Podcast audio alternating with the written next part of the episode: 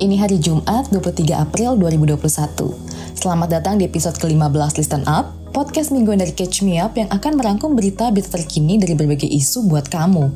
Hari ini kita bakal membahas hilangnya kapal TNI Angkatan Laut Nanggala 402, kasus COVID-19 di India yang semakin gawat, dan peran perempuan dalam ekonomi global. Now, let's catch up!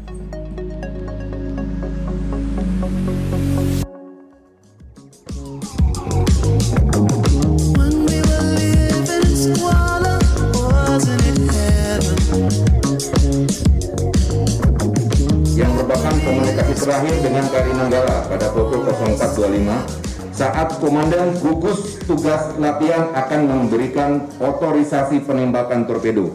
Di situlah komunikasi dengan Nanggala terputus.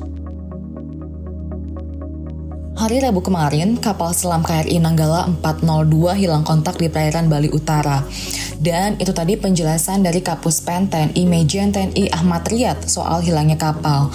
Saat itu kapal selam KRI Nanggala 402 sedang latihan penembakan rudal di Laut Bali dan rencananya akan dihadiri langsung oleh Panglima TNI Marsikal Hadi Cahyanto dan juga Kepala Staf Angkatan Laut Laksamana TNI Yudo Margono. Kapal selam KRI Nanggala 402 diketahui membawa 53 orang yang terdiri dari 49 ABK, seorang komandan, dan tiga personel senjata. Jadi, kapal Nanggala ini dibuat oleh pabrikan Jerman pada tahun 1979 dan memiliki berat 1.395 ton. KRI Nanggala 402 ini merupakan satu dari dua kapal selam tua pabrikan Jerman tersebut. Pengadaan kapal selam tersebut pada tahun 1981 diawali karena Indonesia tinggal memiliki satu kapal selam yang masih bisa menyelam dari 12 kapal yang dimiliki. Dengan demikian, Indonesia pun akhirnya memiliki KRI Nanggala 402 buatan Jerman itu sebagai alutsista laut Nusantara. Dijelaskan kronologis rinci hilangnya kapal Nanggala 402 itu terjadi pada pukul 03 waktu Indonesia Barat. KRI Nanggala 402 meminta izin menyelam periskop DAP pada kedalaman 13 meter dan bersiap menembakkan torpedo. Pada pukul 3.46 waktu Indonesia Barat, si rider memonitor periskop dan lampu pengenal KRI Nanggala 402 yang perlahan mulai menyelam. Pada pukul 4 waktu Indonesia Barat, kapal selam melakukan penggenangan peluncur torpedo dan saat itulah kontak terakhir dengan kapal selam Nanggala 402. Pada pukul 4.17, helikopter diterbangkan untuk melakukan deteksi visual dan hasilnya pun nihil. Di jam 5.15, KRI Nanggala sempat muncul lagi di permukaan air namun tidak kunjung timbul. Dan pada pukul 6.46 waktu Indonesia Barat, TNI AL memperlakukan isyarat submiss. Seluruh unsur dikerahkan untuk mencari kapal selam Nanggala 402. Hingga rekaman ini dibuat pada hari Kamis jam 9 malam, KRI Nanggala diprediksi berada di kedalaman 600 hingga 700 meter. TNI Angkatan Laut menduga ada kerusakan tangki BBM di kapal selam KRI Nanggala 402. Dugaan tersebut diidentifikasi dari temuan tumpahan minyak di perairan sekitar kapal tersebut pada saat hilang kontak. Kepala Dinas Penerangan TNI AL atau Kadis Penal, Laksamana Pertama TNI Julius Wijoyono menyebut keadaan kapal selam KRI Nanggala 402 bisa fatal kalau berada di kedalaman 600 hingga 700 meter di bawah permukaan laut. Sebab dalam operasionalnya, KRI Nanggala hanya bisa menyelam maksimal di kedalaman 500 meter. Kepala Staf Angkatan Laut, Laksamana Yudo Margono juga menyampaikan telah menghentikan semua latihan di TNI AL dan meminta semua armada dan prajurit fokus dalam pencarian kapal selam KRI Nanggala 402. Kembali sampai dengan rekaman ini dibuat, belum bisa dipastikan KRI Nanggala 402 tenggelam lebih dalam karena belum adanya bukti autentik yang membuktikan kapal tersebut karam. KRI RE Marta Dinata memang melaporkan secara lisan mendeteksi pergerakan di bawah air dengan kecepatan 2,5 knot. Namun belum bisa dijadikan kesimpulan bahwa yang dideteksi adalah kapal selam Nanggala 402. TNI AL juga sudah meminta bantuan sejumlah negara yang tergabung dalam konferensi kapal selam untuk membantu proses pencarian, termasuk Malaysia, Singapura, Australia, dan bantuan terbaru datang dari Korea Selatan.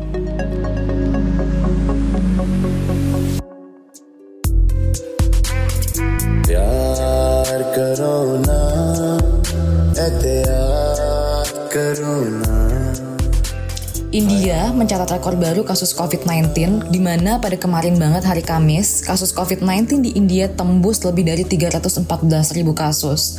Laporan itu juga menandai jumlah kasus COVID-19 harian tertinggi di dunia sejak adanya pandemi tahun lalu. Sekaligus juga mengalahkan rekor Amerika Serikat di mana pada Januari lalu kasus COVID-19 hariannya mencapai 297 ribu kasus. Laporan itu juga membuat layanan kesehatan di India khawatir baik dalam penanganan maupun juga penampungan pasien. Sejumlah rumah sakit di wilayah India Utara dan Barat termasuk New Delhi yang mengeluarkan pemberitahuan bahwa stok oksigen sudah sangat menipis. Saat ini kasus COVID-19 di India mencapai 15 juta kasus dengan angka kematian mencapai lebih dari 154 ribu kasus.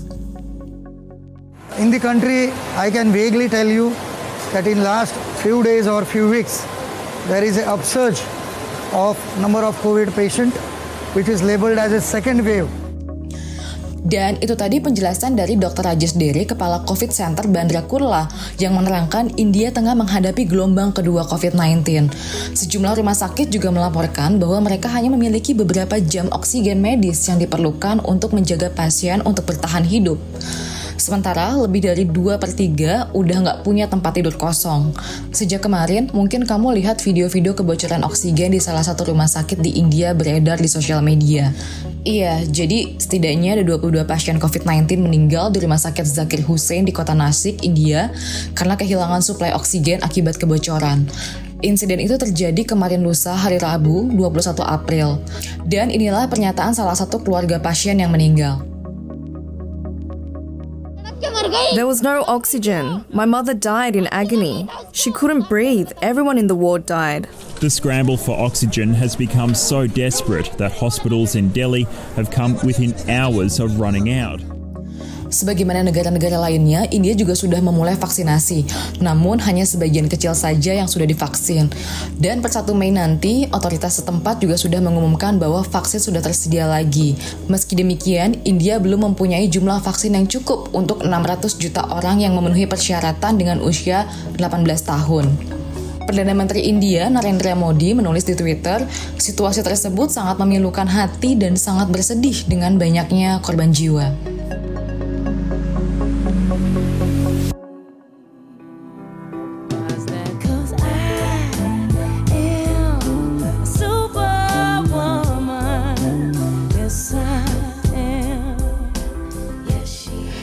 All Women, selamat Hari Kartini ya. Masih banyak banget PR yang harus diperjuangkan oleh perempuan, termasuk peran perempuan dalam dunia ekonomi. Kamu tahu nggak, kalau perempuan dikasih kesempatan untuk berkarir atau berkontribusi dari sisi ekonomi dengan kesempatan yang sama dengan laki-laki, maka perempuan bisa mendorong kenaikan ekonomi global secara signifikan. Nggak main-main, hal ini disampaikan langsung oleh Menteri Keuangan Sri Mulyani di acara Women Index selasa lalu.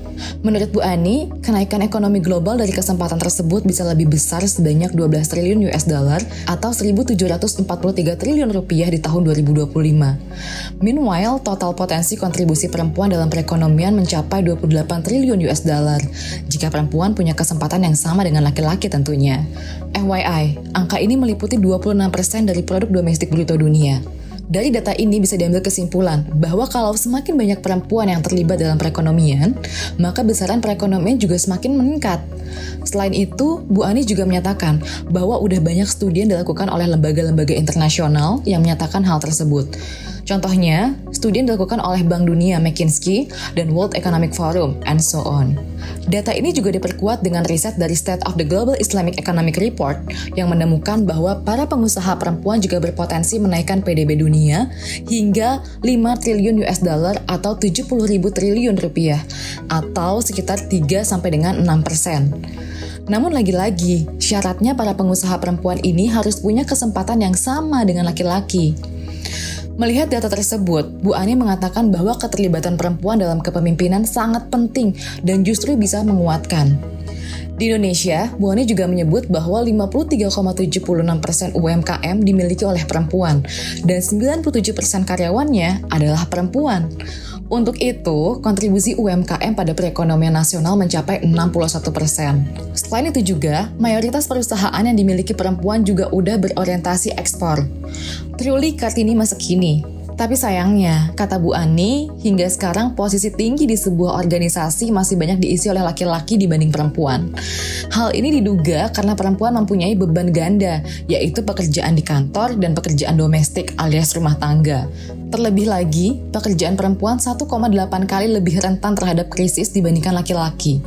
Menurutnya, hal ini juga perlu diteliti lebih lanjut. Apakah memang peran perempuan menurun ketika harus menghadapi kehamilan dan mempunyai anak? Makasih ya udah didengerin. Sampai jumpa minggu depan.